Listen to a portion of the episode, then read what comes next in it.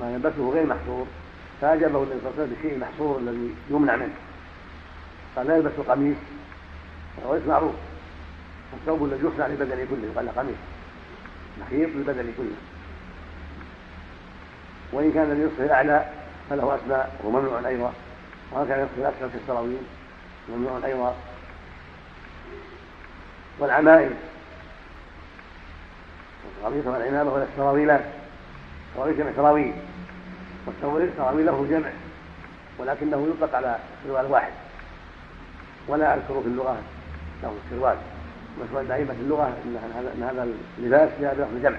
وقال واحد سراويل وجماعة سراويلات ولا أذكر عن أحد من اللغة أنه نقل سروال. الإفراد هكذا. إنما المحفوظ في اللغة سراويل وجمعه سراويلات وهو ما يلبس على الأسفل الأسفل.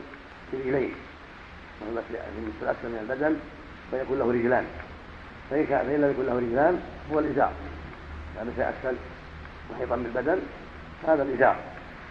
فإن كان له له كمان في كل ذي كم فهذا هو السراويلات هذا هو السراويل فلا يلبس المحرم وكذلك الكفاف والبرانس البرانس قمص. لها رؤوس متصلة بها. لها رؤوس متصلة بالبدن. إذا لبس قميص ففيه رأس يجعله على رأسه معلق به. وهي ثياب مغربية تصنع في المغرب قال لها البرانس فلا يباح المحرم يلبسها هذه خمسة قميص والعمامة والسراويلات والبرانس والخفاف. خمسة أنواع. وهي أمثلة. كل ما شابهها مثلها. فلا يلبس العمامة ولا ما يشبه العمامة كالطاقية أو قلنسوة أو ما أشبه ذلك. كل ما جعل الرأس من تسقط الرأس لا يلبس كذلك القمص بأنواعها كلها لا تلبس إن كانت من قطن أو من كتان أو من شعر أو من صوف أو من وبر أو من أي شيء. سواء كاملة وافية أو قاصرة ناقصة. كذلك السراويلات يلتحق بالقمص اللباس الذي يكون على الصدر كالفنيلة وما يشبهها. ولا السراويلات أيضا. لا يلبسها البرانس مطلقة سواء كان لها رأس أو لها رأس. ولا الكفاف يلبس الرجلين. ممنوع من المحرم في حق الرجال خاصة. أما النساء فلا بأس. أن يلبسن القمص والسراويلات والخفاف. كل هذا لحق الرجال. النساء عورات. فلهن لبس القميص والعمامة يعني يعني الخمار. يعني الخمار يعني يليق بهن. والسراويلات وغير ذلك من اللباس لأنهن عورة مطلوب في حقهن الستر والبعد عن أسباب الفتنة لكن يمنعن من غير ذلك ولا تلبسوا من السوء الزعفران والورق يمنعن من الورق والزعفران وانواع الطيب هذا يشتري فيه الرجال والنساء بعد الاحرام لا يطيبن الا بعد الحلم سواء كان رجلا أو امراه هذا مشترك كذلك لبس النقاب والبرقع والقفازين ممنوع في حق الجميع. فالرجل لا يغطي وجهه محرم هذا الحديث لا يوقف راحلته كما يأتي قال لا تخمر راسه ولا وجهه كذلك المرأة لا تخمر وجهها بالنقاب ولا بالبرقع ولا يديها بالقفازين لأنهما مخيطان لهذين العضوين. فالقفاز لليد والنقاب والبرقع للوجه فتمنع من المراه والرجل يمنع من تغطية وجهه كما في حديث ابن عباس الآتي. ولا بأس للمراه أن تغطي وجهها بغير النقاب كالخمار وما أشبه ذلك مما مما لا يخاط على الوجه كما قالت عائشة رضي الله عنها كنا مع النبي صلى الله عليه وسلم إذا زلنا الرجال سدت احدانا خمارها على وجهها. فإذا تعودنا كشفنا. وروى سعيد منصور بسند جيد عنها أنها قالت كنا انها كانت تأمر النساء يسن الخمر على وجوههن وهن محرمات إذا دنون من الرجال. النقاب والبوق شيء والخمار شيء اخر والقفاز شيء مخيط من صوف أو من وبر أو من قطن على قدر الكفين كما يفعل البزاة الذي يحملون طائر الصقر ونحوه لئلا يؤذي أيديهم. هذا مثله. يكون القفاز قد يكون من جلد قد يكون من غير ذلك.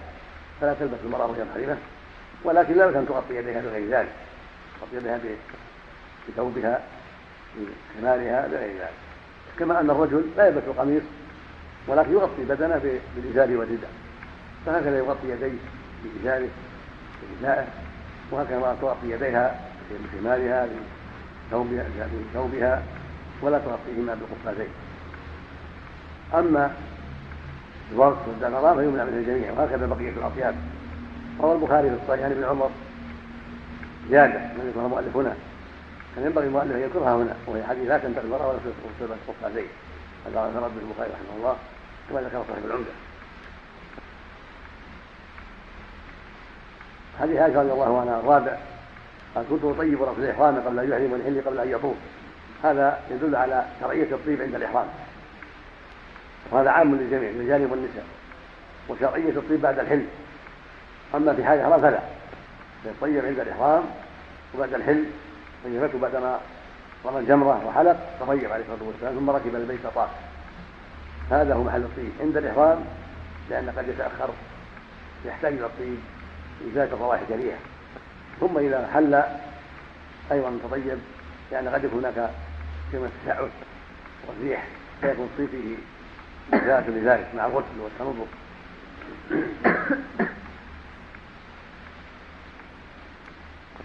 والحديث السادس حديث عثمان بن عفان.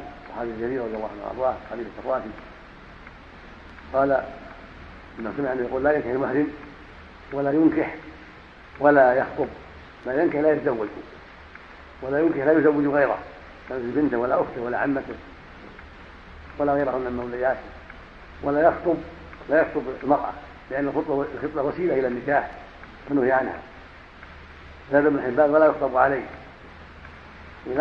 يتقدم إلى احد يخطب بنته ولا اخته لأنها وسيله إلى أن يوافقه بجهل ونحوه. فلا يتقدم إليه وقت الإحرام.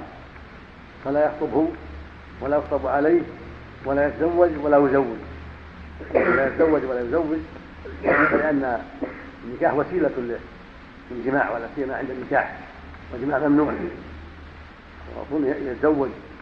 أو يزوج هو وسيلة إلى الجماع فإن الرجل إذا تزوج وفي الغالب في إذا شد الحاجة أو الشوق إلى أن يجامع فقد لا يصبر فيجامع وهو محرم. وسد هذا الباب. والخطبة وسيلة لذلك. فمنعت أيضا فبهذا شاهد لسد الذرائع والوسائل في الحرام. ينبغي لولاة الأمور أن يعنوا بها وأن يلاحظوها حتى لا يفتحوا على الناس طرق الحرام بل يجتهدون في سد طرق الحرام مهما أمكن. قال ابن القيم رحمه الله وقد جاءت شريعه بسد الذرائع من طرق كثيرة. الذرائع التي تفضي إلى الحرام قولية أو فعلية من الشرك أو المعاصي. وذكر في كتابه إعلام الموقعين 99 دليلا 99 من بين آية وحديث في سد الذرائع. نعم. وسردها رحمه الله. نعم. والله أعلم. نعم. عقد المحرم للمحلة. نعم. عقد المحرم للمحل ما نعم ما يعين على باطل أو ما يعين على باطل. نعم. المسجد هذا كان موجود يعني نعم. كان مسجد محجر يعني في مع وقته مع في عهد النبي صلى الله عليه وسلم لكن ما قد يكون شيء يعني قليل. في علامات المسجد يمكن تحجر قليل. نعم. مكشوف يعني قليل. نعم. نعم. تلبية إظهار تعتبر إظهار للنية يقال التلبية إظهار للنية فيه إظهار النية وفيه إظهار الشعيرة العظيمة هذه وفيه تحريك القلب للنظر فيها والتأمل فيها واستشهاد عظمتها وكم تدبر ما في التلبية من الخير وإشعار الناس أن أن صاحبها محرم نعم. نعم فيها مصالح نعم. نعم. يأتي البحث نعم. نعم نعم. نعم. لهذا نسينا التنبيه عليه الخفين الجمهور على أنها تقطع كما قال ابن حديث عمر حتى تكون اسفل الخفين حتى تكون اسفل الكعبين كالنعال والسنة ما لا يحرم النعال. وفي الحديث نوار جماعة. وجعل سبب يحرم أحدهم في إزار وسراويل ورجال ونداء ونعلين. لكن لا يجوز النعلين فإنه يلبس الخفين ولا بأس ولا حرج. هذا يقطعهما كما في حديث عمر؟ هذا قول الجمهور. ويقطعهما من باب حمل المطلق على مقيد؟ ابن عباس رواه الشيخان من لم يجد عليه المسجد الطيب ومن لم يجد ازاره السراويل. قال الجمهور هذا مطلق وهل ابن عمر مقيد؟ ووجب حمله على مقيد لا بد من قطعهما. وهذه قاعدة معروفة لأهل العلم معروفة لا لا غبار عليها. وقال آخرون لا تقطع لأمرين. الأمر الأول أن حديث ابن عباس متأخر ابن عمر متقدم في المدينة فالظاهر أنه ناسخ لأن في خطأ في عرفات. عليه الصلاه والسلام من لم يجد زاره السراويل؟ ومن لم يجد عليه نفسه الخفين ولم يقل بقطعهما هنا. وقد حضر هذا الموقف ما لم يحضر من لم يحضر المدينة. وتأخير بيان وقت الحاجة لا يجوز. فهذا يدل على نسخ وقطع الخفين والأمر الثاني أنه صلى الله عليه وسلم أمر بلبس الإزار من السراويلات عند فقد الإزار ولم يمر بقطعه. قطع السراويل حتى تكون إزارا. قالوا فكذا الخفين كذا الخفان ينبغي ألا يقطعا قياسا على التراويح.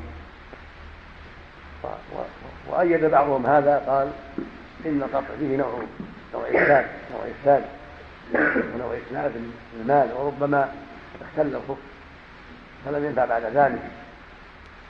فهذا ما يؤيد النسخ. هذا ما قال هذه الجماعة وهو مذهب أحمد رحمه الله في الرواية المشهورة.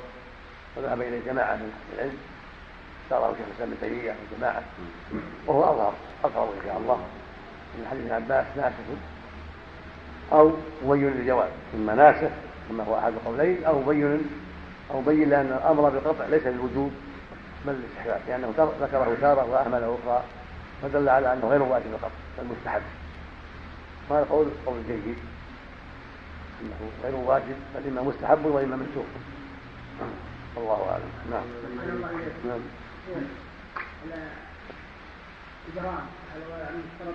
الهدي من خارج الحرم؟ نعم. الإحرام بالحج والعمرة هل هو يشترط عند دخول الهدي من الأفضل إذا كان ساق الهدي يحرم بالحج والعمرة هذا هو الأفضل. أما إذا كان ما ساق الهدي فالأفضل العمرة يحرم بالعمرة وحدة. نعم. يعني فإذا لبى بالعمرة ثم ساق الهدي في أثناء الطريق يدخل عليها الحج. هذا السنة هذا الأفضل تقدم هذا في داوود الإحرام. نعم. الليلة اللي في حديث السرية نعم. الليلة اللي في ما أذكره الآن لكن أحفظ أنه في ضعف. لكن لا أذكر أسباب الضعف. أو لا أذكره الآن سنبه عليه غدا إن شاء الله هل يلبي أحدهم؟ ثم نعم. أقول يلبي أحدهم ثم يرد المجموع خلفه نعم. التلبية هل من صفاتها أن يلبي أحدهم ثم يرد المجموعة الأخرى؟ لا لا لا. كل يلبي نفسه كل يلبي نفسه نعم. طيب نعم. نعم. الإحرام. لا ما يشرع لا ما يطيب ما يطيب نعم نعم. إذا كان للتعليم للعام يعني فترة قليلة. نعم. يعني ينبه منبه بعدهم للتعليم. قال قال اسمعوا استدلوا قال لهم اسمعوا قولوا مثل ما نقول. نعم. مثل ما نقول هذه التلبية نعم إذا كان الذي على بدنه نعم كان الطيب الذي على بدنه على إحرام هل يغسل؟ والله يحسن مثل ما أمر النبي على جبه يغسله قال أمر ان يغسل خلوق عن جبه لما احرم جبه يا خلوق نعم نعم إذا كان في رأسه متوضأ للصلاة ومسح رأسه والله يعفى عن هذا ما يعفى عنه ثم نعم أنا اعتمرت وطيبت إحرامي علي شيء بعد ان بها الماء لا دعوة لا طيب الاحرام نعم طيب إذا كان بخور جزاك الله خير كيف- ولو ولو بقول لا طيب إذا كان بخور كيف طيب طيب طيب جسد نعم. إذا كان بخور وطيب قبل قبل أن أن أن تلبس الحرام طيب وأنت على الناس في الأول. ولا طيب غير المخروط ما الطيب أنواع كثيرة. النبي كان طيب بالمسك عليه الصلاة والسلام. نعم. نعم. لا مستحب فقط. لو لو لو أحرم بدون وضوء بدون غسل ما في. مستحب فقط. نعم. نعم. السعي أفضل على طهر أفضل ولا مو شرط الطهارة في الطهارة في الطواف فقط. أما السعي لا يشترط لكن إذا طاف على طهارة يكون أحسن وأفضل. نعم؟ الجمهور يرون له ركعتين سنة ركعتين. يعني يصلى وأحرم. ولكن ليس بصريح. حديث النبي صلى الله عليه وسلم قال إن أتاني آت فصلي هذا المبارك والعمرة بالحجة فالجمهور قالوا هذه سنة مستقلة. وقال آخر ما صلي يعني فريضة. صلاة والأمر في هذا واحد. ولكن إذا توضأ يستحب له يصلي ركعتين يعني سنة الوضوء. نعم نعم مثل الصلاة. نعم. إذا كان ليس من عادته يعني إذا توضأ صلى ولكن في هذا المكان نوى بالصلاة أحسن إذا ركعتين يجمع بين قولين سنة الوضوء وسنة الحرام. عند الجمهور نعم. نعم. والسلام على نبينا محمد وعلى آله وصحبه أجمعين. قال رحمه الله تعالى وعن أبي قتادة الأنصاري رضي الله عنه في قصة صيده الحمار الوحشي وهو غير محرم. قال فقال رسول الله صلى الله عليه وسلم لأصحابه وكانوا محرمين. هل منكم أحد أمره أو أشار إليه بشيء؟ قالوا لا. قال فكلوا ما بقي من لحمه متفق عليه. وعن الصعب بن جثامة الليثي رضي الله عنه أنه أهدى لرسول الله صلى الله عليه وسلم حمارا وحشيا وهو بالأبواء أو بودان فرده عليه وقال إنا لم نرده عليك إلا أنا حرم. متفق عليه. وعن عائشة رضي الله عنها قالت قال رسول الله صلى الله عليه وسلم خمس من الدواب كلهن فاسق يقتلن في الحل والحرم. الغراب والحدأة والعقرب والفأرة والكلب العقور متفق عليه. وعن ابن عباس رضي الله عنهما أن النبي صلى الله عليه وسلم احتجم وهو محرم متفق عليه. وعن كعب بن عجرة رضي الله عنه قال حملت إلى رسول الله صلى الله عليه وسلم والقبل يتناثر على وجهي. فقال ما كنت أرى الوجع بلغ بك ما أرى. تجد شاة؟ قلت لا. قال فصم ثلاثة أيام أو أطعم ستة مساكين لكل مسكين نصف صاع متفق عليه. وعن أبي هريرة رضي الله عنه قال لما فتح الله على رسوله مكة قام رسول الله صلى الله عليه وسلم في الناس فحمد الله وأثنى عليه ثم قال إن الله حبس عن مكة الفيل وسلط عليها رسوله والمؤمنين وإنها لم تحل لأحد كان قبلي. وإنما أحلت لي ساعة من نهار وإنها لن تحل لأحد بعدي فلا ينفر صيدها ولا يختلى شوقها ولا تحل ساقطتها إلا لمنشد ومن قتل له قتيل فهو بخير النظرين. فقال العباس إلا الإذخر يا رسول الله فإنا نجعله في قبورنا وبيوتنا. فقال إلا الإذخر متفق عليه. وعن عبد الله بن زيد بن عاصم رضي الله عنه أن رسول الله صلى الله عليه وسلم قال إن إبراهيم حرم مكة ودعا لأهلها وإني حرمت المدينة كما حرم إبراهيم مكة وإني دعوت في صاعها ومدها بمثل ما دعا إبراهيم لأهل مكة متفق عليه. وعن علي بن أبي طالب رضي الله عنه قال قال رسول الله صلى الله عليه وسلم المدينة حرم ما بين عير إلى ثور. رواه مسلم. بسم الله الرحمن الرحيم. أما بعد. هذه الاحاديث الثمانية كلها لها تعلق بالحرم والإحرام.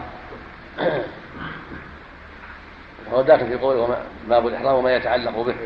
فإن له تعلق فإن هذه الاحاديث بعضها يتعلق بالإحرام وبعضها يتعلق بالحرم.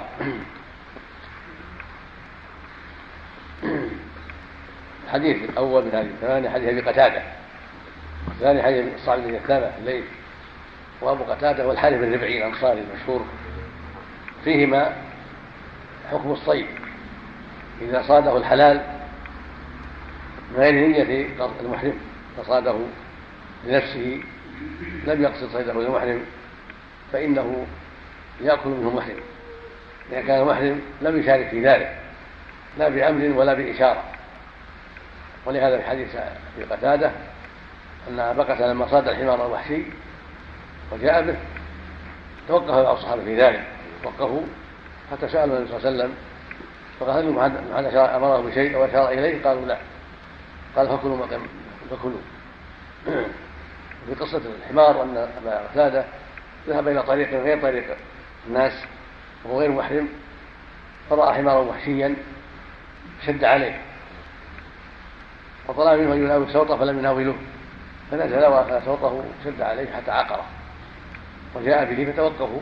استفتوا النبي صلى الله عليه وسلم فأفتاهم بأنه لا حرج عليه.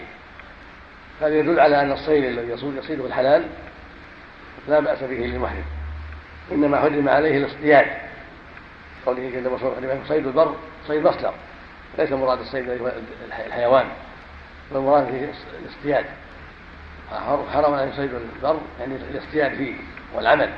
ما داموا حرما ولو كانوا في خارج الحرم. حتى يحلوا من إحرامهم فإذا كانوا في الحرم حرم عليهم الصيد لأمرين لإحرامهم وللحرم جميعا. وإذا كانوا قبل الحرم حرم عليهم الصيد للإحرام فقط. فالصيد يحرم للإحرام ويحرم للحرم إذا دخل المحرم الحرم حرم عليه الصيد من جهة الأمرين لإحرامه ولكونه في داخل الحرم.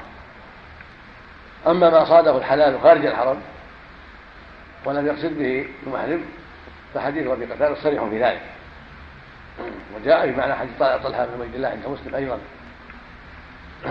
فإنه جاء إلى بصيد فأكل منه. لم يصد له. أما ما صاده المحرم أو أعان فيه فإنه لا يحل. للمحرم أكله وإذا كان صاده المحرم فهو عند العلم في حكم ميتة لا يحل له ولا لغيره. حتى نعم. حتى الصائد إذا كان حلالا إذا صاده للمحرم. يحل لكن إذا صاده المحرم نفسه. إذا صاده المحرم يحرم حكم حكم ميتة لأنه ليس أهلا لصيده وزكاته بخلاف ما صاده الحلال فإنه ولو صاده ولو نواه المحرم ليس بحرام على الحلال. والحل للحلال للحلال حرام على المحرم. ويدل على هذا حديث الصعب فإنه أهدى للنبي حمارا وحشيا وفي لفظ بعض حمار فرده عليه وقال إن حرم. فحمل هذا على أحد أمرين وهما أن يكون الصعب أهدى حمارا وحشيا حيا. فلهذا رده النبي لأنه لا يحل المحرم يتولى الصيد الحلال الصيد وهو محرم الحي. وإن كان أهدى جزءا كما في الرواية الأخرى عجز حمار عرض حمار فهو لأنه نواه له. وذكر الشارع في رواية أحمد وابن ماجه أن قال أن صعب قد سته له فإذا ثبت هذا فالرسول رده لأنه صيد له أو لأنه أهدى حمارا كاملا حيا فرده النبي صلى الله عليه وسلم. بخلاف ما إذا صاده الحلال ولم يقصده به المحرم فإنه حل. كما في رواية جابر عند أهل السنن صيد لكم حلال ما لم تصيدوه أو لكم وهو لا بأس بإسناده. وهو ذلك يقوي حديث أبي قتادة وحديث طلحة بن عبد الله وما جاء في معناه وبهذا يعلم أن الصيد لا يحرم على المحرم بأمور منها أن يكون صادا ومنها أن يكون أشار فيه أو أمر به. ومنها أن يكون صيدا لأجله. فإذا كان إذا كان ما صاده ولا شارك فيه ولا صيد لأجله فيحرم عليه. وبهذا تجتمع الأخبار. وينتظم شملها وفيه أيضا من الفوائد تطيب نفس من ردت عليه هدية يبين لها السبب. فإن الرسول لما رأى ما في وجهه من التغير لما ردت هديته قال إنا لم نرده عليك يروى نردها ونردها ولا بأس. ردها رد نردها بالإتباع للظن نرده عليك بالإتباع. ورد ونفع الأصل. أن المجدد إذا جزم يفتح لم يصح لم يحل لم يرد. إلا أن حرم يعني إلا لأن حرم بين أسباب الرد وأنه إنما رد أجل هذه العلة. لا كراهة لهديتك ولا عن شيء في نفسنا عليك. إنما رددناه لأجل هذا لأن حرم والحرم لا يصيد ولا يأكل ما صيد له. فيعني فطب نفسا. وهكذا إذا رد موظف الهدية على أحد يقول ردها عليه لأن ما يصل لها الهدية لأن هذه تعتبر رشوة. إذا ردها القاضي أو ردها الموظف وما أشبه ذلك ممن يخشى على نفسه يبين. ويقول إن رددت رددت عليك لكذا وكذا حتى يعلم المهدي أسباب الرد.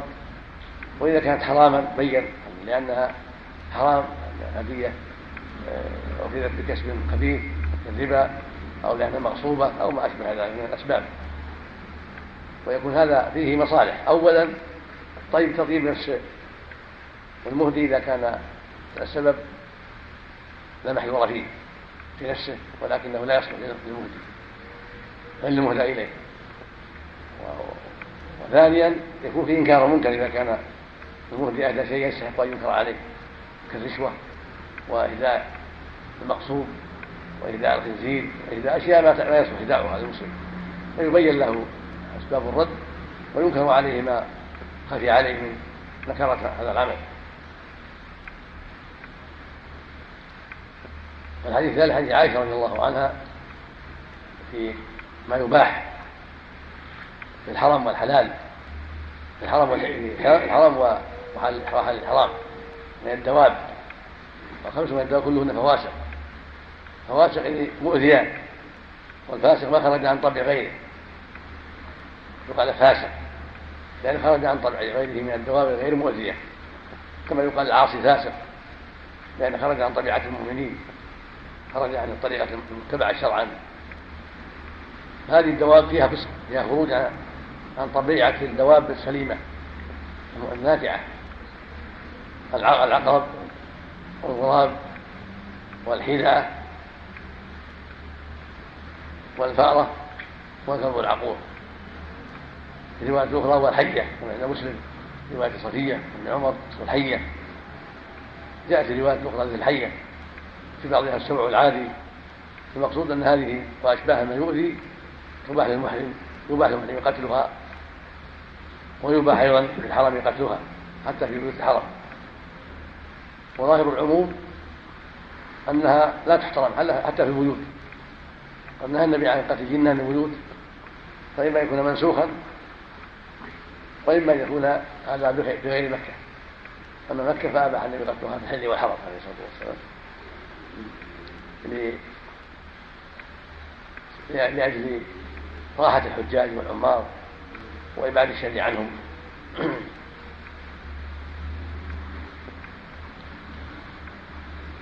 وأذى هذه الحيوانات معروف أذاها معروف العقرب حية معروف أذاهما.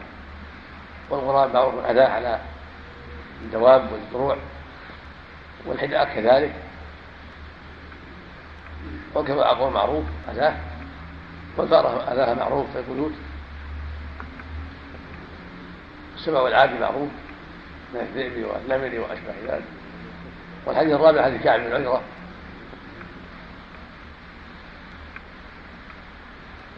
جاء في بعض الروايات الغراب الأبقع وليس المخصص والله أعلم أنه جاء للبيان للتنويع. فان الغراب معروف عند الإطلاق أسود في الغالب قد يكون ابقع في بعض الأحيان لكنه قليل. الغالب عليه معروف هو السواد. واستثنى بعض الفقهاء غراب الزرع قالوا إنه هناك غراب صغير. له منقار أحمر ورجلان حمر يكون الزروع ولا يؤذي. هذا محل نظر لكن لا يؤذي. وأن طبيعته غير طبيعة الغراب المعروف فقد يخرج عن هذا إذا عرف. لا يؤذي الدواب. ولا الزروع فإن الغراب من طبيعته يؤذي الدواب إذا كان فيها دبره يقع عليها وينقر الدبره حتى يحييها ويسبب شرها. وقد يموت البعير بذلك. ويأخذ السنابل يقطعها ويطير بها. تؤذي وأكثر ما يؤذي في الدواب البادية. خصوص الأبقاع نعم. الأبقاع لأن ما في بقع يبقى في بقعة على بقعة بيضاء أو خالفة لسواتر يعني هذا قليل في الغلبان كما في بلغنا قليل نادر ولعل حزام يعرف هذا. تعرف ولا أبقى يا حزام قد رأيت شيئا ابقى لكن أبقى ما رأيته. لا من النوادر من النوادر. احسن الله في ريشه بياض في شق ريشه بياض لا ما الشيء لا ما رأيت شيء. ما في ما في ريشه في جناحين قليل في جناح ولا في؟ في جناحين هذا يكون نوع بقعه نعم. قليل؟ رأيت في سبع؟ قليل قليل. سبع؟ ولا غيره نعم. اليمن. مم. في السودان في نعم. في السودان؟ يوجد هذا. نعم. في نعم. في التخصيص نعم. النوعين موجود نعم. السودان في الأسود بالأبقع نعم. أقول التخصيص بالأبقع الظاهر للتعريف الظاهر ليس بالتخصيص لأن غير الروايات الصحيحة ليس في هذه الألفاظ نعم. وهو نادر أيضا. بالنسبة إلى الجزيرة نادر فيما بلغنا. أقول السلام عليكم قلت هو ما صيد له. يعني مثلا أنا محرم صاد لي واحد بدون نيتي إي ما لا تعرف لا تعرف خلاه له يحرم علي؟ نعم. محروم عليه نعم. ليه أنا ما أمرت نواز به. سدا سدا للباب. طيب قتلت يمكن نوازل أو سدا للباب. سدا لباب آه، قصد احلال المحرمين الصيد قتلت أخت الله أمرت لما صيدت يمكن نوى لهؤلاء فأمرهم النبي أن يأكلوا منه. ما ما نوى. ما نوى. ما- لا يحمل شيء ما بلغنا. نعم يا أستاذ؟ ما قتله لهذا الحمار الوحشي؟ ما له نية في إطعام أصحابه الذين ما ما ذكر شيء ما ذكر عليه شيء. وقد يكون له نية سابقة ثم نسخت. وأن صيد البري على على ما لم يوصل لكم قد يكون هذا. يعني ثم غير جاء الحكم بالمنع احتمل. فلو قدر أنه له نية. وقد جاءت السنة فيما يدل على أن هذا قد منع منه. ونسخ نعم.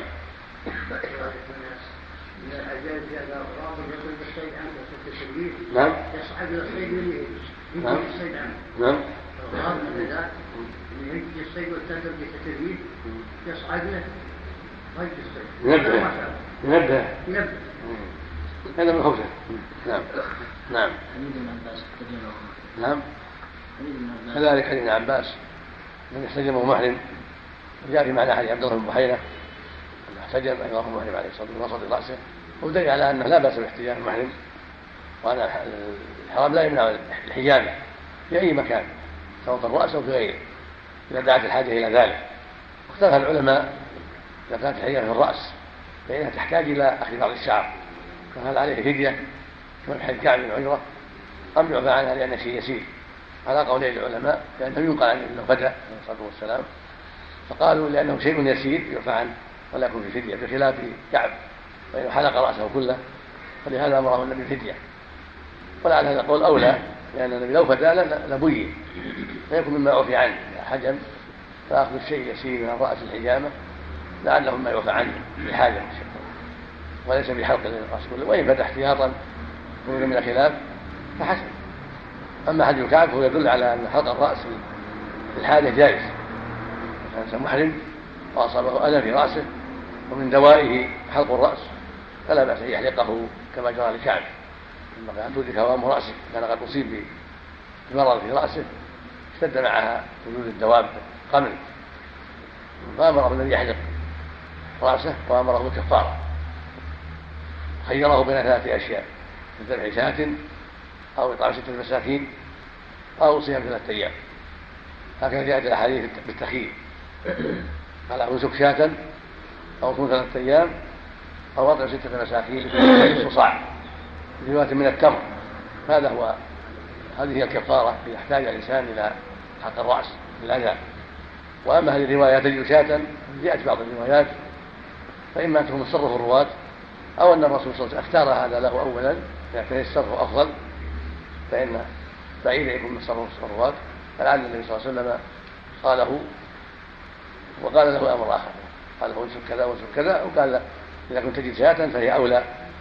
محتمل هذا. والحال بكل حال فهو مخير لأن الرواية الصريحة كافية بهذا. وإذا قدم الشاة ولا سيما عند الحاجة إليها كانت أفضل إذا قدمها عند وجود الفقراء والمحتاجين.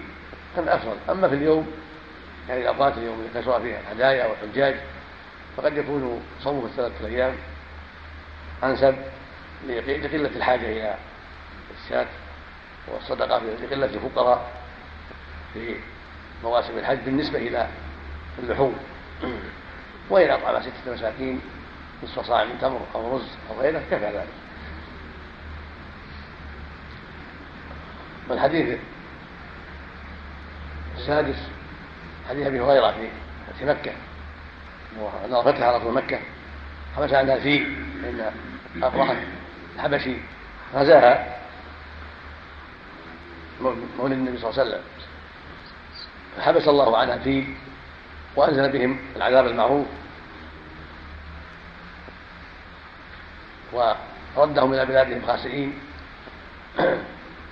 ان طير في طميهم بحيرات من سجين كما نص عليه القرآن الكريم وحبس الفيل فرجعوا إلى بلادهم وأصابهم مرض عظيم ووباء شديد بسبب مرض من الحجارة. وكان هذا تمهيدا وإرخاصا لبعث النبي صلى الله عليه وسلم وأن هذا البلد يكون فيه خبر عظيم وحدث جليل وهو وجود النبي صلى الله عليه وسلم وبعثته عليه الصلاة والسلام. فحمى الله مكة ذاك الوقت وأبطل كيد النصارى وردهم خاسئين وكان ميلاده صلى الله عليه وسلم عام الفيل الحديث المشهور. لكن الله سلط عليها رسوله والمؤمنين والفتح فأخذوها عنوة وأنزل الله في قلوب أهلها الرعب فلم يستطيعوا المقاومة ودخلها المسلمون بعشرة آلاف مقاتل.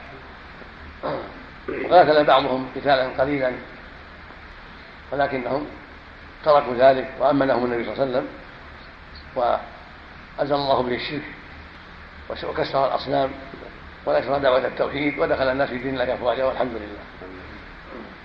وقال في حديث حديثه إن الله جل وعلا لم يحلها لأحد قبلي وإنما حلها لساعة من نهار في ذات مشروعها وقد عادت حرمتها اليوم حرمتها بالأمس فليبلغ الشاهد الغاية. وقال في رواية أبي أيضا فإن أحد استحل احتج بقتال الرسول فيقولون إن الله أذن للرسول ولم يأذن لكم فالرسول صلى أذن له. ساعة دخوله لإرهاب المشركين والقضاء على الشرك والشر. ثم عادت حرمتها كحرمتها سابقا في تحريم القتال فيها وقتل صيدها وغير ذلك. ثم بين صلى الله عليه وسلم أن من قتل له قتيل فهو بخير نظرين وبين أنه لا يعظم شوكها ولا يختلى خلاها ولا ينفر صيدها. كل هذا من خصائصها. لا يختلى شوكها لا يقص ويحش لا يختلى خلاها من حشيشها الاخضر ولا يعرض شجرها ولا ينفر صيدها. كل هذا من مما يتعلق بالحرم أن له حرمة. كذلك لا تحل ساقطتها إلا لمنشد إلا لمعرف. هذه أمور تختص بالحرم ومزايا الحرم. فالحرم له شأن وله خصائص. منها تحريم صيده وعدم تنفيذه ومنها أنه لا يختلى خلاه ولا يضرب شوكه بل يترك وهذا فيه مصالح كبيرة للحجاج إذا جاءوا بإبلهم وهكذا العمار يرعون ويستفيدون ويأمن الحيوان فيه أنواع الصيود واللقطة كذلك تبقى حتى يجدها ربها فلا تضيع عليه ومن أخذها فليعرفها أبد الآباد. حتى يجدها ربها ولا يحل له أن يتملكها. أما في البلدان الأخرى فإنه يملكها إذا مضى عليها سنة. إذا عرفها سنة ملكها. إذا لم تعرف. أما مكة وهكذا المدينة. إن الرسول حرمها كما حرم مكة. فإن لقطتها لا تحل بل يجب أن يعرفها دائما أو يسلمها لمن خص بذلك من المحاكم أو اللجان أو الهيئات التي تعين وتخصص لحفظ اللقطات ولا يملكها. والقتيل صاحبه له أهله, أهله لهم خيار بين القتل وبين الدية. وأمر ذلك هو العفو كما هو معروف. والنبي صلى الله عليه وسلم لما قال ذلك قال له عباس إلا الإذخر فإنه لقيدنا وبيوتنا في الآخر نجعله في بيوتنا وقبورنا في السقوف البيوت في القبور فوق تحت التراب لقلة اللبن عندهم وضعف أرضهم وعدم تحملها. فقال إلا الإذخر فدل ذلك على حل الإذخر وهو نبت طيب الرائحة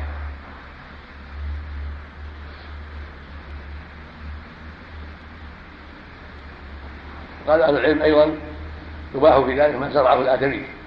هذا محل. وثاب ما زرعه الآدمي من الزروع. وغرسه من الأشجار فهو له. لأنه ملكه هو الذي أوجده في الحرم. وهكذا الثمار توجد في الحرم تؤكل. ثمار السدر وأشباهها مما يكون ثمرة كالكباب وأشبه ذلك. حديث عبد الله بن زيد مثل حديث أبي هريرة يدل على تحريم المدينة وأن الله حرمها كما حرم إبراهيم مكة. وأنه دعا في صاعها ومدها ببركة. كما دعا الرسول إبراهيم لأهل مكة بالبركة في طعامهم وشرابهم. هكذا النبي صلى الله عليه وسلم دعا إلى أهل المدينة بذلك في رواية بمثلين دعا لهم بالمضاعفة في المدينة. ونرجو أن الله أجاب دعوته عليه الصلاة والسلام. ومن سكن المدينة يعرف ذلك يعرف ما فيها من البركة في طعامها وشرابها وما يحصل لأهلها من الكفاية بالقليل وأنه يظهر في ما هناك من بركه كثيرة. ولا سيما في حق أهل الإيمان والتقوى. والاستقامه حديث علي بن الثامن يدل على ان ان أن حرمها محدد بعين وثوب. عين من جهة الجنوب جهة الميقات وثوب جبيل ذكروا أنه نسب الكبير من جهة الشمال تحت أحد. أحمر. وهي بريد في بريد. هذه مسافة الحرم. وهو حرم مثل ما مثل حرم مكة. لا يقتلى خلاه ولا يضرب شجره ولا يصاد صيده ولا ينفر إلا أن جاء في كثير من الروايات استثناء ما يحتاجه أهل المدينة من الخشب لحاجة مزارعهم وآبارهم كما احتاج أهل مكة للذر هم يحتاجون لما يحتاجون إليه من أخشاب الآبار والمحال وأشباه ذلك جاء في روايات عديدة ما يدل, يدل على استثناء ذلك من حرم المدينة. والله أعلم. سمع جنة البيوت جنة البيوت نعم. في مكة الآن يستثنى وفي غيرها ما يستثنى. ظاهر الحديث لأن النبي قال في آخر حياته فلم يستثني شيئا من هذه الأمور. مكة وحديث الاستثناء جاء في حديث بن الخطاب وغيره وابي لبابه في المدينة. محمد وعلى آله وصحبه أجمعين قال رحمه الله تعالى باب صفة الحج ودخول مكة. عن جابر بن عبد الله رضي الله عنهما أن رسول الله صلى الله عليه وسلم حج فخرجنا معه حتى أتينا ذا الحليفة. فولدت أسماء بنت عميس فقال اغتسلي واستكثري بثوب وأحرمي. وصلى رسول الله صلى الله عليه وسلم في المسجد ثم ركب القصواء حتى إذا استوت به على البيداء أهل بالتوحيد. لبيك اللهم لبيك لبيك لا شريك لك لبيك إن الحمد والنعمة لك والملك لا شريك لك. حتى إذا أتينا البيت استلم الركن فرمل ثلاثا ومشى أربعة ثم أتى مقام إبراهيم فصلى ثم رجع إلى الركن فاستلمه. ثم خرج من الباب إلى الصفا. نعم. ثم خرج من الباب إلى الصفا. فلما دنا من الصفا قرأ إن الصفا والمروة من شعائر الله. أبدأ بما بدأ الله به. فرق الصفا حتى رأى البيت فاستقبله واستقبل القبلة. بقي.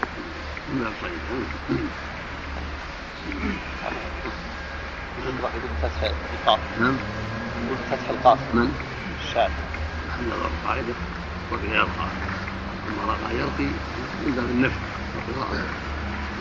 رقي رقى يرقي نفثه ودعا النبي رقي يرقى صعد يرقى قاموس عندكم نعم هذه قاعدة رقى لا في الليل من باب فصل الراء باب لا في الليل هي والواو فصل الراء نعم مع نعم. نعم قاعدة أن منزل بمعنى صعيد لفظه معنى نعم نعم. الله. حتى نعم. رأى البيت فاستقبله واستقبل القبلة فوحد الله وكبره. نعم. وقال لا إله إلا الله وحده لا شريك له. نعم. له الملك وله الحمد وهو على كل شيء قدير. رقي نعم. نعم. رقي إليه فرضي رقيا ورقيا صعد ترتقى وترقى. والمرقاة ويكسر الدرجة. ورقى عليه كلاما ترقية رفع والرقية بالضم العودة جمعه رقى ورقاه رقيا ورقيا ورقيا ورقية فهو رقاء نفث في عودته. ومرقيا الحمد حرفا ما كان القاعدة ما نصيب نعم نعم. كان الشارع ربطها من غير تأمل أو كان الشيخ ربطها من غير مراجعة. نعم فرقي الصفا حتى رأى البيت فاستقبله واستقبل القبلة فوحد الله وكبره. وقال لا إله إلا الله وحده لا شريك له له الملك وله الحمد وهو على كل شيء قدير. لا إله إلا الله وحده أنجز وعده ونصر عبده وهزم الأحزاب وحده. ثم دعا بين ذلك ثلاث مرات. ثم نزل إلى المروة حتى إذا انصبت قدماه في بطن الوادي سعى حتى إذا صعد مشى إلى المروة. ففعل على المروة كما فعل على الصفا فذكر الحديث وفيه. فلما كان يوم التروية توجهوا إلى منى وركب رسول الله صلى الله عليه وسلم فصلى بها الظهر والعصر والمغرب والعشاء والفجر ثم مكث قليلا حتى طلعت الشمس. فأجاز حتى أتى عرفة فوجد القبة قد ضربت له بنمرة فنزل بها حتى إذا زاغت الشمس أمر بالقصوى فرحلت له. فأتى بطن الوادي فخطب الناس ثم أذن ثم أقام فصلى الظهر ثم أقام فصلى العصر ولم يصلي بينهما شيئا. ثم ركب حتى أتى الموقف فجعل بطن ناقته القصوى فجعل بطن ناقته القصوى إلى الصخرات وجعل حبل المشاة بين يديه واستقبل القبلة فلم يزل واقفا حتى غربت الشمس وذهبت الصفرة قليلا حتى غاب القرص ودفع وقد شنق للقصوى الزمام حتى إن رأسها لا يصيب مورك رحله. ويقول بيده اليمنى أيها الناس السكينة السكينة كلما أتى حبلا أرخى لها قليلا حتى تصعد حتى أتى المزدلفة فصلى بها المغرب والعشاء بأذان واحد وإقامة ولم يسبح بينهما شيئا. بأذان حتى فصلى بها المغرب والعشاء بأذان واحد وإقامتين ولم يسبح بينهما شيئا. ثم اضطجع حتى طلع الفجر فصلى الفجر حين تبين له الصبح بأذان وإقامة. ثم ركب حتى أتى المشعر الحرام. فاستقبل القبلة فدعا وكبر وهلل فلم يزل واقفا حتى أسفر جدا فدفع قبل أن تطلع الشمس حتى أتى بطن محسر فحرك قليلا ثم سلك الطريق الوسطى التي تخرج على الجمرة الكبرى حتى أتى الجمرة التي عند الشجرة فرماها بسبع حصيات بسبع حصيات يكبر مع كل حصاة منها مثل كل مثل منها منها كل حصى كل حصاة مثل حصى الخز رمى من بطن الوادي ثم انصرف إلى المنحر فنحر ثم ركب رسول الله صلى الله عليه وسلم فأفاض إلى البيت فصلى بمكة الظهر. رواه مسلم مطولا. وعن خزيمة. بسم الله الرحمن الرحيم. اللهم صل وسلم على رسول الله وعلى آله وأصحابه. أما بعد هذا الباب في صفة الحج ودخول مكة. أراد المؤلف بهذا بيان ما ورد من الأحاديث في صفة حجه عليه الصلاة والسلام. وصفة دخوله مكة عليه الصلاة والسلام. وذكر فيه أحاديث بدأها بحديث جابر بن عبد الله الأنصاري وحديثه حديث عظيم وهو مطول. لم يرى في الأنساك مثله فقد فقد عني بحجته عليه الصلاة والسلام واجتهد في نقلها إلى الناس رضي الله عنه ورحمه. وهو منسك مستقل حديث هذا منسك مستقل. والمؤلف اختصره وذكر الخلاصة. فهو حديث جليل عظيم استوفى غالب أعمال الحج.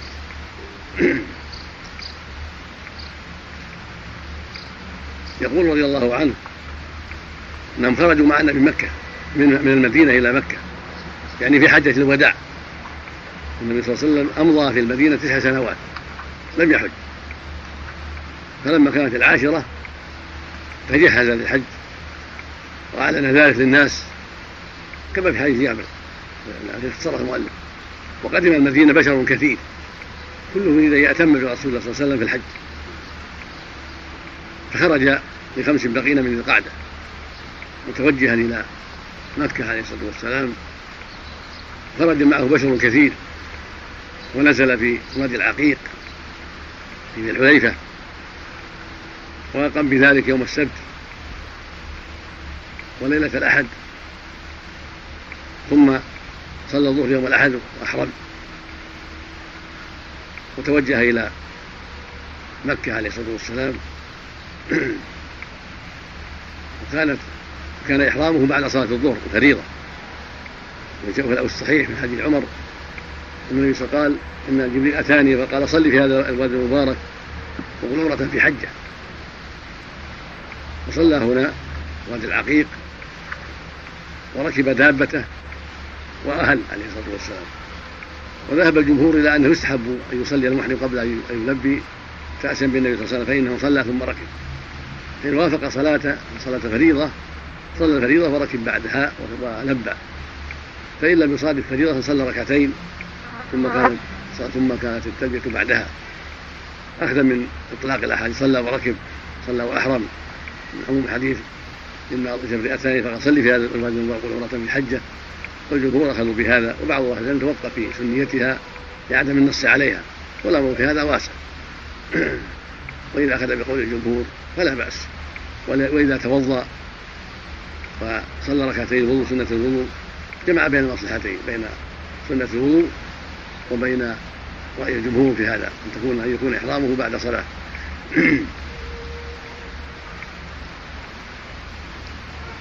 والصواب أنه لم يلبي ولم يحرم إلا بعدما ركب كما رواه جابر وغيره. هذا هو الصواب ورواه ابن عمر وابن عباس وآخرون. أما رواية ابن عباس التي رواها قصيف فإنه لبى وهو في الأرض بعدما صلى ركعتين فسمعه قوم ثم ركب فلبى ثم لما كان البيداء لبى هو حديث ضعيف. والصواب انه لم يلبي ولم يحرم إلا بعدما ركب دابته عليه الصلاة والسلام. وفي هذا أنه لبى على البيداء. وهذا أيضا مما رواه جابر وخفي عليه ما رواه ابن عمر وابن عباس وغيرهما. فلبى حين ركب الدابة ولبى حين على البيداء فلا منافاة. وكل أخبر بما حفظ. فجابر أخبر بما حفظ مع عنايته بهذه الحجة ولكن فاته ما رواه ابن عمر في الصحيحين وما رواه غيره لأنه لبى لما ركب عند المسجد. ولا منافاة ومن حفظ, حفظ شيئا زيادة على غيره قدم.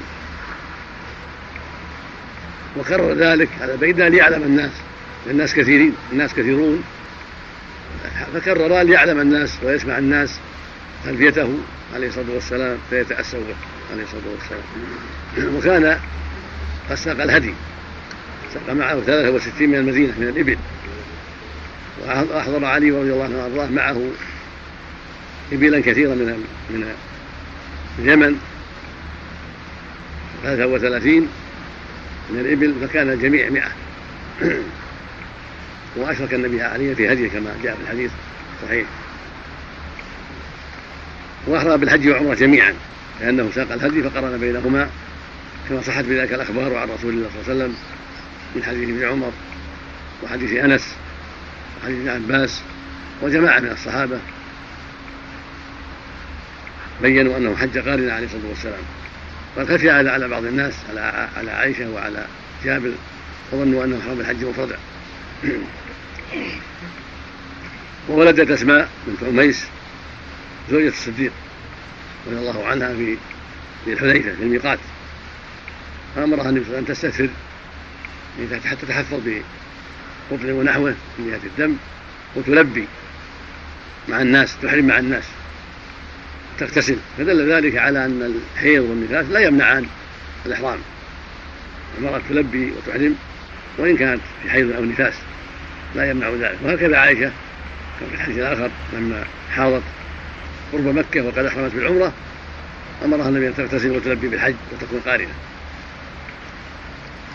وكانت أسماء بنت عميس ولدت محمد بن أبي بكر الصديق الذي قتل في أيام الفتنة بعد مقتل عثمان. المقصود أن أن محمد ولد عام حجة الوداع محمد بن الصديق. وأحرمت أسماء بنت عميس مع الناس رضي الله عنها وأرضاها. فدل ذلك على ما تقدم من كون الحائض والنفس لا حرج في إحرامهما ولا بأس. لكن لا تطوفان حتى تطهرا كما معلوم. كما قال النبي لعائشة. وهكذا أسماء جاء في روايه خالد الصحيح أنه قال لها ما قال لعائشة. ثم لبى تلبيته المعروفة. لبيك اللهم لبيك. قال أهل بالتوحيد لأن التلبية فيها البراءة من الشرك. لبيك اللهم لبيك لبيك لا شريك لك لبيك. إن الحمد والنعمة لك والملك لا شريك لك. ولهذا قال أهل بالتوحيد. يعني أهل بالإخلاص لله وإراده سبحانه وتعالى بالحج غيره من العبادات. وهذه التلبية التي لازمها النبي صلى الله عليه وسلم في حجته روى ذلك جابر وابن عمر وعائشة وغيرهم أنه لبى بهذه التلبية عليه الصلاة والسلام. يعني بعدما قال لبيك عمرة وحجا اشتغل بهذه التلبية لبيك اللهم لبيك. معنى التلبية الإقامة واللبس على الشيء المطلوب.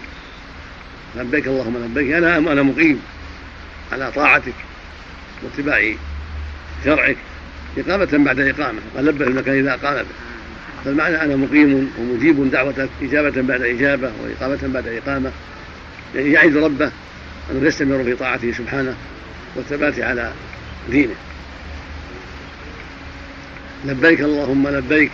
لبيك لا شريك لك لبيك. لفظ التلبية مثنى والمراد الجمع المراد الكثرة. المراد أنه يستمر أبدا على طاعته واتباع أمره. لبيك اللهم لبيك. لبيك لا شريك لك لبيك. ولا شريك لك. هذا عام. لا في الربوبية ولا في الإلهية ولا في الأسماء والصفات. ولا شريك له سبحانه وتعالى. هذه كلمة لا شريك لك. كلمة عامة في نفي الشريك في جميع أقسام التوحيد في الذات والصفات والعبادة. فلا شريك له في ذاته بل هو الواحد الأحد سبحانه وتعالى مدبر الأمور. قل هو الله أحد الله الصمد. ولا شريك له في العبادة وإلهكم إله واحد لا إله إلا هو الرحمن الرحيم. فاعلم أنه لا إله إلا الله وإله وقال ربك ألا تعبدوا إلا إياه إلى غير ذلك. وهو واحد في أسمائه وصفاته لا شبيه له. ولا كف له ولا ند له. ليس كمثله شيء وهو السميع البصير ولم يكن له كفوا أحد. إن الحمد والنعمة لك والملك لا شريك له جملة مستقلة يعترف بها المنبي يؤمن بها. الصواب في الرواية كسر الهمزة جملة مستقلة. إن الحمد والنعمة لك والملك يخاطب ربه لا شريك له. فله الحمد الكامل والثناء الكامل. وهو مستحق الحمد لأسمائه وصفاته ولعظيم حقه ولذاته ولإحسانه فهو محمود لذاته وصفاته وإنعامه سبحانه وتعالى. والنعمة كذلك له النعمة لأن جميع ما بالعباد من فضله ومنكم من نعمة من الله فهو المنعم والمحسن جل وعلا. فله الثناء كامل وهو المنعم على الكمال والتمام. وهو المنعم على عباده المحسن إليهم. وجميع النعم التي تصل إليهم كلها منه سبحانه في أنفسهم وفي غيرهم. وله الملك الكامل لا شريك له فيه المالك لكل شيء والقاهر فوق عباده وجميع الخلائق مغفورون مربوبون. ليس لهم تصرف في شيء بل هو الواحد الأحد المالك لكل شيء والقادر على كل شيء. له الملك وله الحمد وهو على كل شيء قدير سبحانه وتعالى. هذه التلبيه العظيمة يشرع الاتيان بها لكل حاج ومعتمر من رجل وامرأة وصغير وكبير كما أتى بها النبي صلى الله عليه وسلم. وقد كان الناس يلبون بأشياء فيقرهم عليها عليه الصلاة والسلام وهو لازم تلبيته عليه الصلاة والسلام. فإذا لبى الإنسان بأشياء صحيحة فلا بأس. مثل ما لبى انس لبيك حقا حقا تعبدا ورقا. مثل ما قال ابن عمر لبيك وسعتين والخير في يديك والرضا إليك والعمل. كله كلام صحيح. وروي عنه صلى الله عليه وسلم قال لبيك إله الحق لبيك لبيك ذا المعارج. هذا وأشباهه كله طيب ولا بأس به. لكن تربية النبي صلى الله عليه وسلم أفضل. لزومها والإكثار منها أفضل. لأنها تربيته صلى الله عليه وسلم التي لزمها ولأنها ثابتة الصحاح والمسانيد والسنن. وغيرها فهي ثابتة عنه عليه الصلاة والسلام في حجته عليه الصلاة والسلام وفي عمره فالأولى لزومها والإكثار منها. وإذا لبى بغيرها إما في بعض الأحيان إما هو معروف إما لبى به السلف وإما له معنى صحيح فلا بأس. ثم مشى صلى الله عليه وسلم واستمر في طريقه يلبي ويذكر ربه عز وجل ويعلم الناس ويرشد الناس لما يحتاجون إليه عليه الصلاة والسلام. حتى وصل إلى مكة فسلم الركن فنزل بطوى كما جاء في حديث عمر. نزل به طوى ومات بها واغتسل بها ثم دخل مكة صباحا عليه الصلاة والسلام. فيدل على استحباب النزول في طوى أو غيرها حتى يستريح بعد تعب حتى يغتسل. وهذا مما ذهب على جاد ورواه ابن عمر. فيستحب ان يستريح قبل الطواف بعض الشيء ويغتسل لينشط العمل ويزول عنه آثار الغبار والتعب ثم يدخل مكة فيبدأ بالطواف. وإن دخلها رأسا ولم يغتسل فلا حرج. سنة. فاستلم الركن أول شيء. وترك هنا ما يتعلق بالمسجد. والسنة في المسجد مثل ما في المساجد الأخرى. يقدم رجله اليمنى ويصلي على النبي صلى الله عليه وسلم ويقول أعوذ بالله العظيم ووجهه الكريم وسلطانه القديم من الشيطان الرجيم. اللهم افتح لي أبواب رحمتك. مثل بقية المساجد. هذا معروف في المساجد. ولا يزال في التلبية حتى يستلم الركن. وأما ما يروى أنه لما رأى البيت رفع يديه وكبر فهو ضعيف. لم يثبت عنه ذلك عليه الصلاة والسلام. رواه ابن جريج وغيره. فهو لم يثبت في هذا الباب. وانما ذكر جابر استمر حتى شرع في الطواف فاستلم الركن أول شيء يعني الحجر الأسود. كبر عليه الصلاة والسلام وطاف وقبله وطاف سبعة أشواط. هذا هو السنة. يستلمه ويقبله ويكبر ثم يطوف سبعة أشواط. يجعل البيت عن يساره ويكمل السبعة الأشواط. قال ورمل الثلاثة الأول. ثم فيها يعني يخب. يعجل في الأول يخب فيها خبا مع تقارب الخطى ثم يمشي مشيا في الأربعة الأخيرة. هذا في خطاف القدوم خاصة. فعل هذا في حجة الوداع وفعله أيضا في عمرته لما اعتمر من الجرانة عام الفتح عام حنين هذا هو السنة في طواف القدوم أن يرمل في الأشواط الثلاثة الأول ويمشي في الأربعة الأخيرة. وهذا للرجال خاصة عند أهل العلم لأن النساء عورات ولم ينقل أنهن أنهن خربن ولا أمرن بذلك. هذه من سنن من السنن المختصة بالرجال في الطواف وهكذا في السعي بين العالمين يخب بين العالمين كما يأتي. ومشى أربعة. واستلم الركن اليماني أيضا عليه الصلاة والسلام في طوافه. هذا هو السنة. يخب ثلاثا بطواف القدوم ويمشي أربعة. ويستلم الركن اليماني وبسم الله والله أكبر كما جاء في الرواية الأخرى عند استلم الركن اليماني فإذا لم يتيسر ذلك لم يزاحم ولم يشد إليه لأنه لم يجعل النبي صلى الله عليه وسلم زاحم ولا أشار. ثم يقول بين الركنين كما في الرواية الأخرى حديث عبد الله بن السائب ربنا آتنا في الدنيا حسنة وفي الآخرة حسنة وقنا عذاب النار بين الركنين. فإذا وازن الحجر الأسود استلمه قبل أن تيسر فإن لم يتيسر ذلك أشار إليه وكبر كما فعله النبي صلى الله عليه وسلم. في بعض اطرفته يطاف في بعض اطرفته راكبا وكل ما حاذاه اشار إليه وكبر عليه الصلاة والسلام. وهذه السنة. إن قدر وتيسر له ذلك استلم وكبر وقبل وإن لم يتيسر فعل المستطاع. استلمه بيده فقبل طرف قبل يده أو استلمه بعصا وقبل طرفها. فان لم يتيسر ذلك أشار من بعيد وكبر ومضى. ولا يزاحم المزاحمة التي تؤذي. بل يمضي في الطريق حتى يكمل الأشواط. من دون مزاحمة أخذ من الأدلة الشرعية التي فيها التحريم من إيذاء المسلمين وإدخال السوء عليهم بل يطلب طوافا ليس فيه إيذاء لأحد حسب طاقته وإن كان. وليس فيه ذكر متعين ولا دعاء متعين بل يذكر الله ما تيسر ويدعو الله ما تيسر في طوافه. ويقول في كل شوط في آخره ربنا آتنا في الدنيا حسنة وفي الآخرة حسنة وقنا عذاب تأسيا بالنبي عليه الصلاة والسلام. ويذكر الله في بقية الطواف ويدعو بما تيسر من الدعوات والأذكار. وبعدما طاف صلى الله عليه وسلم صلى ركعتين عند المقام. استقبل المقام ركعتين خلف المقام وقرأ فيهما سورتي الإخلاص. قل يا أيها الكافرون قل الله أحد. كما في بعض روايات جابر هذا وفي رواية غيره. وهما سورة الإخلاص سورة التوحيد. يقرأ بهما في ركعتي الطواف وقد شرعت قراءتهما أيضا في سنة الفجر وسنة المغرب هاتان السورتان لما فيهما من توحيد الله والإخلاص له والشهادة له بالوحدانية واستحقاق العبادة سبحانه وتعالى. ثم بعد هذا خرج استلم الركن مر على الركن واستلمه يستحب ذلك قبل أن يخرج إلى الصفا. يستحب لمن طاف طواف القدوم الحج أو العمرة أن يمر على الركن بعد ذلك فيستلمه إذا تيسر. أما كان هناك زحام فلا حاجة إلى ذلك. ثم خرج إلى الصفاء فبدأ بالصفاء قال أبدأ ما بدأ الله به. فصعدها وكبر فوحد الله وكبره. وفي لفظ آخر وحمده سبحانه وتعالى.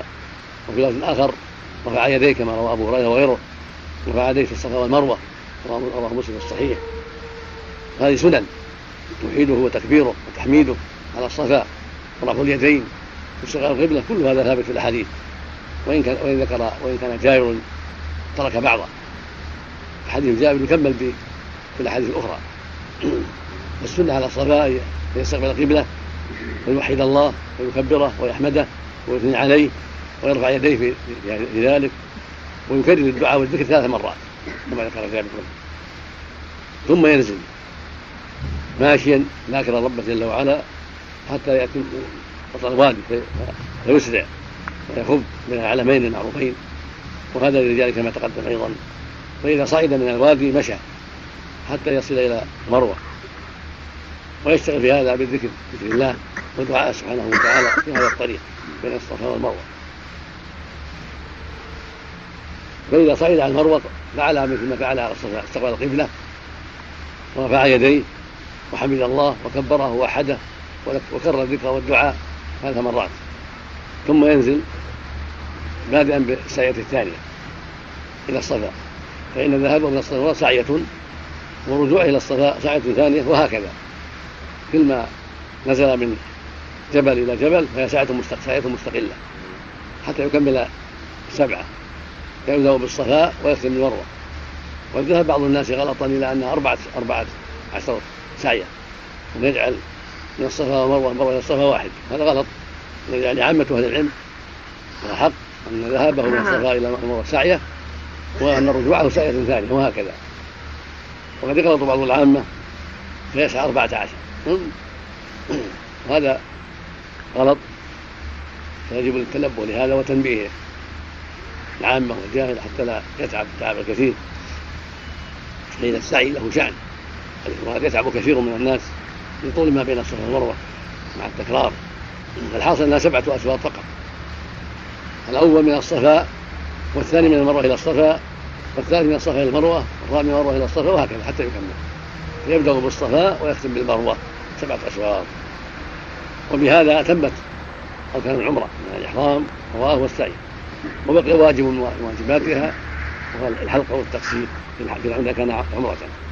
وأما إذا كان حجا كما فعله النبي صلى الله عليه وسلم هنا هذا يسمى طواف القدوم وهذا سعي الحج. وبقي على إحرامه عليه الصلاة والسلام لأنه حج قارنا فلم يحل.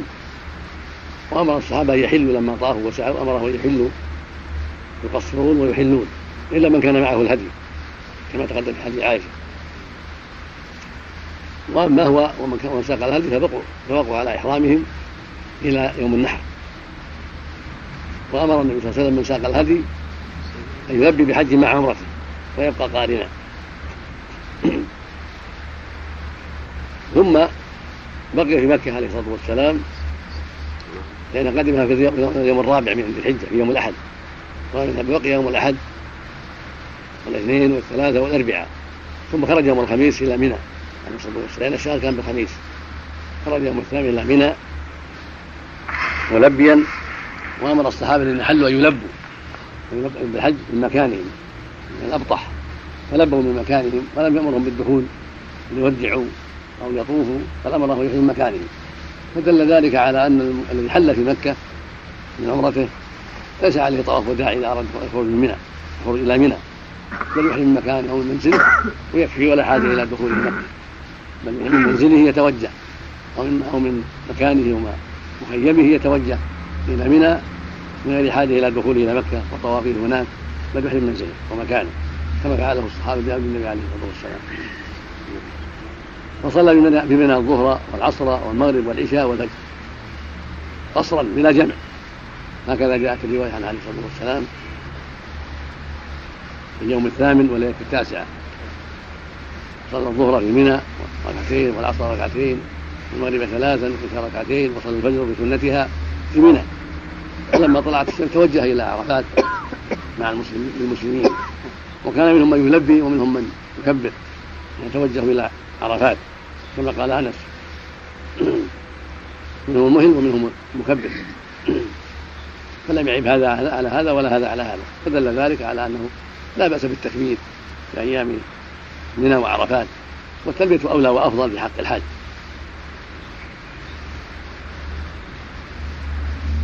ويتبين من هذا أن السنة الإقامة في منى اليوم الثامن وليله التاسعة وأن الحجاج يتوجهون منها صباح التاسع إلى منى.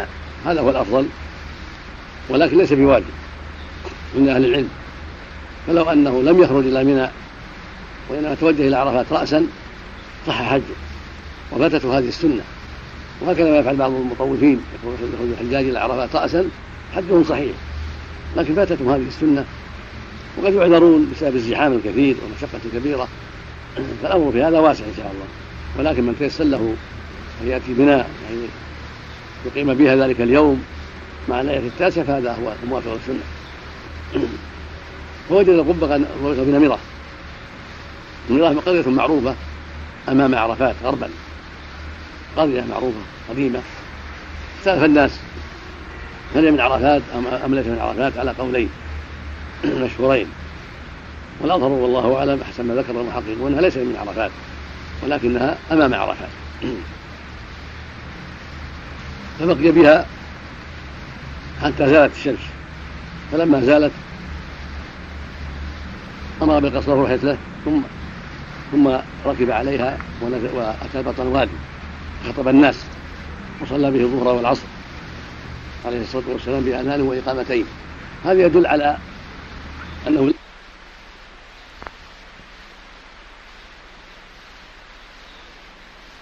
هذا لا حرج. ولهذا نزل النبي في القبة عليه الصلاة والسلام. ويدل الحديث أيضا على أن السنة البدار بالخطبة يوم عرفة والصلاة بعد الزوال فإنه لما زالت الشمس نهض عليه الصلاة والسلام وركب دابته وأتى بطن الوادي وادي عرنة وهو غرب عرفات فوقف هناك على دابته وذكر الناس وخطبهم عليه الصلاة والسلام وذكرهم بالتوحيد وأمور الجاهلية وأشياء ما يتعلق ما يتعلق بالمناسك ثم صلى عليه الصلاة والسلام.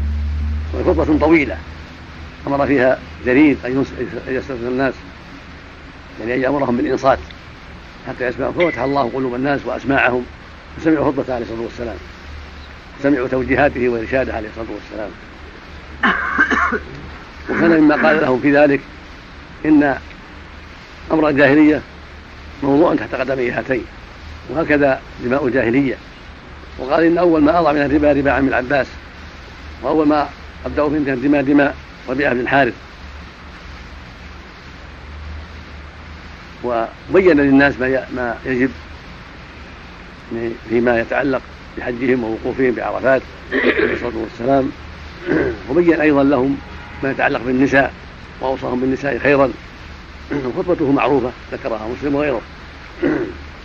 خطبة طويلة. وذكر عليه الصلاة والسلام فيها أيضا ما يتعلق بالقرآن. وقال إني تارك فيكم ما لن تضلوا ان اعصمتم بكتاب الله. وهذا من أعظم ما فيها وأهم ما فيها. انه أوصاهم بالقرآن. الكريم وأخبرهم أنهم إن تمسكوا به لن يضلوا. المعنى أنهم إن حاجوا عنه ضلوا وهلكوا. فالواجب على أهل الإسلام يتمسكوا بالقرآن وأن يعضوا عليه بالنواجذ. وهكذا السنة الصحيحة فإنها اصل الثاني. فعلى أهل الإسلام يعضوا عليها بالنواجذ ويتمسكوا بكتاب الله وسنة الرسول عليه الصلاة والسلام. وجاء في رواية الحاكم وآخرين زيادة وسنتي ذلك فيكم ما لم تكن نفسهم كتاب الله وسنتي. وهو وهي وإن لم تذكر في حديث رواية مسلم فهي مرادة. لأن القرآن أمر بطاعة الرسول صلى الله عليه وسلم. فالتمسك بالقرآن تمسك بالسنة. فإذا فوصية بالقرآن معناه وصية بالسنة. لأن قال أطيعوا الله وأطيعوا الرسول. يطيع الرسول فقد أطاع الله. فالقرآن ممنوع بالوصية بطاعة الرسول صلى الله عليه وسلم والأمر بها. فالوصية بالقرآن معناها وصية بالسنة.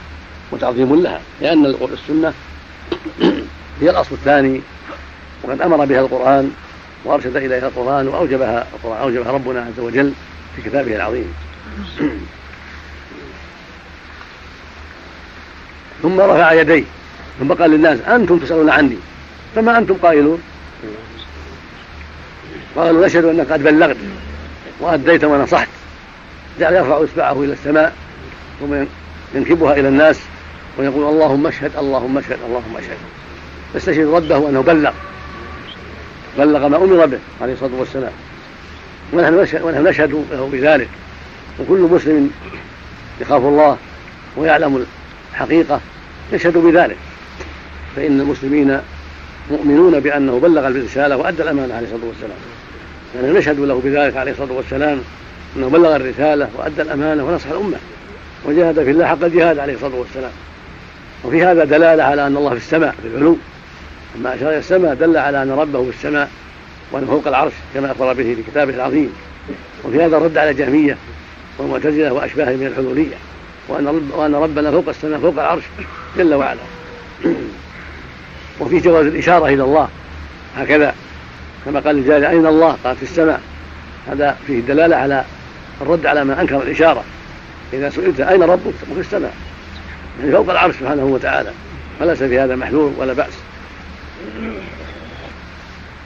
وفيه أنه لما خطبهم صلى أمر بالأذان فأذن المؤذن بلال ثم أقام صلى الظهر ركعتين ثم أقام صلى العصر ركعتين ولم يصلي بينهما شيئا. ما أتى بالرواتب ولا صلى نافلة لأنه مسافر فصلى الظهر ركعتين والعصر ركعتين فقط بأذان واحد وإقامتين جمع تقديم. ولم يخطب الناس خطبة الجمعة بل هذه خطبة الحج خطبة التعليم والإرشاد والتوجيه ولم يصلي الجمعة وكان يوم الجمعة. كانت حجة الوداع في يوم الجمعة لكن ما صلى جمعة لأنه مسافر عليه الصلاة والسلام.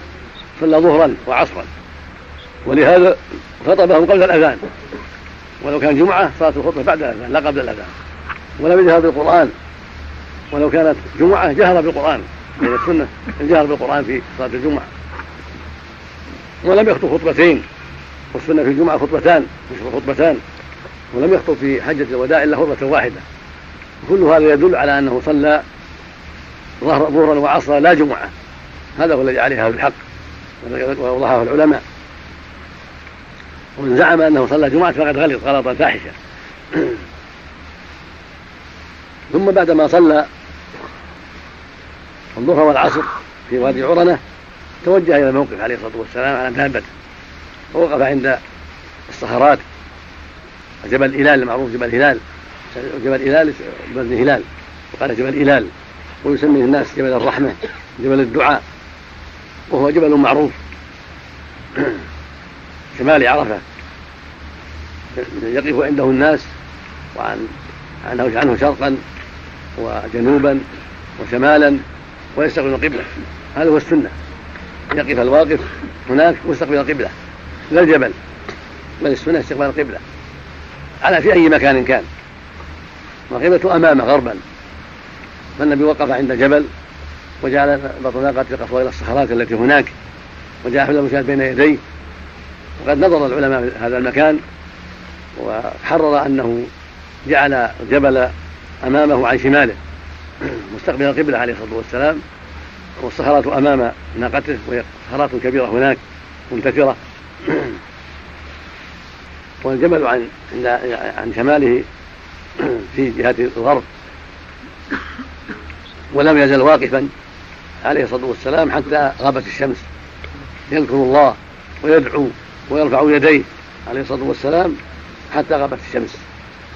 وقال للناس وقفتها هنا وعرف كلها موقف. بين لهم أن عرف كلها موقف. فيها أرض واسعة. بحمد الله. فكلها موقف. وفي هذا دلالة على أن أن الوقوف على الدابة أفضل لمن لمن حج على الدابة وأن السنة أن يدعو ويجتهد في الدعاء ويكثر ويرفع يديه حتى تغيب الشمس.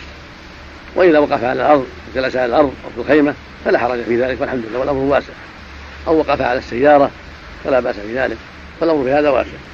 من جلس في عرفات أو مشى في عرفات وهو بقصد الحج يذكر الله ويدعو أو جلس في الخيمة أو في السيارة أو على الدابة كل ذلك بحمد الله واسع. والسنة أن يبقى الحجاج حتى تغيب الشمس ولا يسبقوها بل يبقون كما بقي النبي صلى الله عليه وسلم حتى تغيب الشمس وهذا عند الجمهور واجب.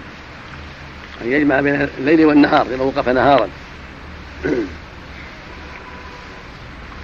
قد جيء إليه بلبن فشرب ليعلم الناس أنه مفطر عليه الصلاة والسلام.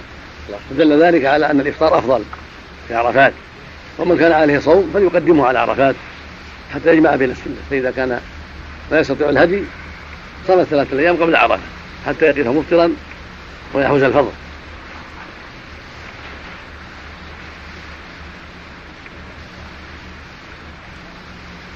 فلما غابت الشمس وذهب قرصها وذهب بعض الصفرة انصرف إلى مزدلفة عليه الصلاة والسلام وعليه السكينة. وكان يحث الناس على السكينة ويقول لهم السكينة السكينة عليه الصلاة والسلام. لا ليضر بعضهم بعضا. هكذا ينبغي لأهل السيارات أن يكون السكينة السكينة حتى لا يضر بعضهم بعضا. حتى وصل إلى مزدلفة. وصلى بها المغرب والعشاء بأذان واحد وإقامتين عليه الصلاة والسلام قبل حط الرحال. وقبل تناول الطعام وغير ذلك بدأ بالصلاة قبل كل شيء عليه الصلاة والسلام. صلى المغرب والعشاء بأذان واحد وإقامتين. ولم يصلي بينهما شيئا. المغرب ثلاثة والعشاء ركعتين مثل ما فعل في عرفات في الظهر والعصر لم يصلي بينهما شيئا. وهذا يعم من وصل إليها مبكرا ومن تأخر. السنة من السنة في حق الحجاج أن يصلوا جمعا سواء وصلوا إليها في وقت المغرب أو في وقت العشاء. وإنما قال العلماء أنها جمع تأخير لأن الغالب أنهم لا يصلونها إلا في وقت العشاء في حالة الإبل. أما اليوم فإنهم يصلونها في وقت المغرب. كثير من الناس يصل في وقت المغرب لسرعة السيارات. فالحاصل أنه متى وصل صلىها صلى جمع جمع تقديم أو جمع تأخير حسب وصوله إلى إلى إلى مزدلفة. ثم يبيت. والنبي بات بعد ذلك لما صلى رجع ونام عليه الصلاة والسلام. السنة النوم بعد الصلاة وعدم السهر والسمر حتى يقوى بذلك على أعمال يوم العيد. فإن النوم في الليل وآخر الراحة في الليل يعينه على عمل النهار من الوقوف بالمشعر ورمي الجمرات ونحر الهدايا إلى غير ذلك. ولا يمنع ذلك من الصلاة العادية تهجد بالليل صلاة الوتر فإن جابر لم يذكره ولكن الأدلة الشرعية تدل على أن هذا باقي وليس هناك ما يدل على أن النبي تركه عليه الصلاة والسلام.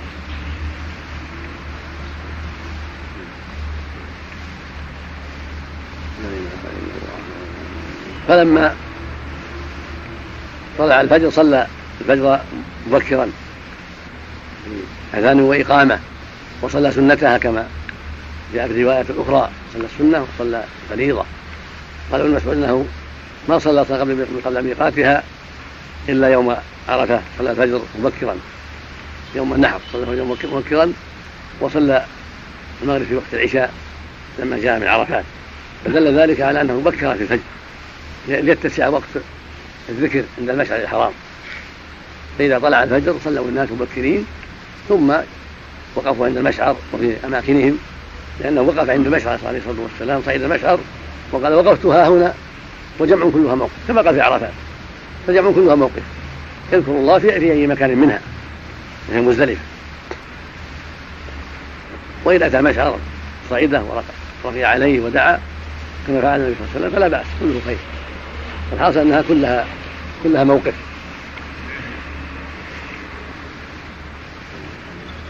ثم بعد ذلك توجه إلى منى قبل طلوع الشمس. كان الكفار لا يفيضون حتى تطلع الشمس في الجاهلية. النبي خالفهم وأفاض قبل طلوع الشمس عليه لما أسفر عليه الصلاة والسلام. هذه السنة. ورخص للضعفاء من أهله أن يتقدموا بليل من مزدلفة رخص للنساء والأولاد والضعفاء يتقدموا. فدل ذلك على لا بأس أن ينصرف الشيوخ والمرضى والنساء قبل حضرة الناس. في الليل. في آخر الليل يقول أسماء لما غاب القمر أسماء بنت أبي بكر. فالمقصود أنه رخص لهم أن ينصرفوا في آخر الليل إلى منى قبل حضرة الناس. وإذا انصرفوا فلهم أن يرموا ولهم أن يؤجلوا فيرموا نهارا. وقد رمت أم سلمة ليلا لما انصرفت رضي الله عنها وأرضاها. كما يأتي حديثها إن شاء الله ثم أتى المنحر لما ثم انصرف طلوع الشمس قبل طلوع الشمس عليه الصلاة والسلام لما أسفر انصرف من مزدلفة والمسلمون معه قبل أن تطلع الشمس. فلما أتى حسرا حرك قليلا. فدل على السنة تحريك الدابة قليلا. أو الماشي يتحرك قليلا لأنه موضع موضع نزل فيه غضب على الحبشة وحبس فيلهم فالسنة أن يحرك قليلا. فالحبشة أبرح الحبشي قد جاء بفيله ليهدم الكعبة. لأسباب معروفة في التاريخ. فحبس الله فيله وسلط عليه طيرا الأبابيل كما ذكره القرآن ذكره الله في كتابه العظيم. فرجع خائبا مريضا حتى مات هناك وشتت الله شمله وجماعته ورجعوا خاسئين. وكان ذلك العام هو العام الذي ولد فيه النبي عليه الصلاة والسلام الفيل. اللهم صل على وسلم ثم مشى وسلك الطريق الوسطى المعروفة هناك حتى أتى جمرة العقبة. وهي جمرة لمكة. كان عندها عقبة من جبل فرماها بسبع حصيات واستوطن الوادي عليه الصلاة والسلام وجاء بيت عن يساره ومن عن يمينه وكبر مع كل حصاه عليه الصلاة والسلام. ثم انصرف إلى المنحر. هذه السنة. ان يبدأ الحجيج برمي جمرة العقبة ولا في صلاة العيد. لا يوصل صلاة العيد ولا صلاة العيد. فيبدأون برمي جمرة العقبة بعد وصولهم بعد طلوع الشمس كما فعل النبي صلى الله عليه وسلم. يكبر مع كل حصاة ويرميها واحدة واحدة مثل حصى الخلف صغار. فوق الحمص مثل دم الغنم الذي ليس بالكبير. فيرمى بها الجمرة. ثم ينصرف. ولا يقف عندها في يوم العيد يرميها وينصرف ثم تنحر الهدايا. النبي نحر هديه عليه الصلاة والسلام كما ذكر جابر هنا ثم ركب إلى البيت. وثبت في الصحيح حديث عائشة وغيرها أنه حلق أيضا قبل أن يركب إلى البيت. نحر هديه مئة من الإبل نحرها نحر 63 وكمل علي الباقي. 37 بأمر النبي عليه الصلاة والسلام. ثم حلق رأسه ووزعه وأعطى بعضه طلحة. أبا طلحة زوج أم سليم ووزع الباقي بين الناس. لما جعل الله في شعره من البركة والخير عليه الصلاة والسلام. وبعد حلقه طيبته عائشة كما يأتي. طيبته بعد إحراء بعد حله. بعدما طاف بعدما رمى وحلق طيبته عائشة ثم ركب. إلى البيت فطاف به طواف الإفاضة عليه الصلاة والسلام.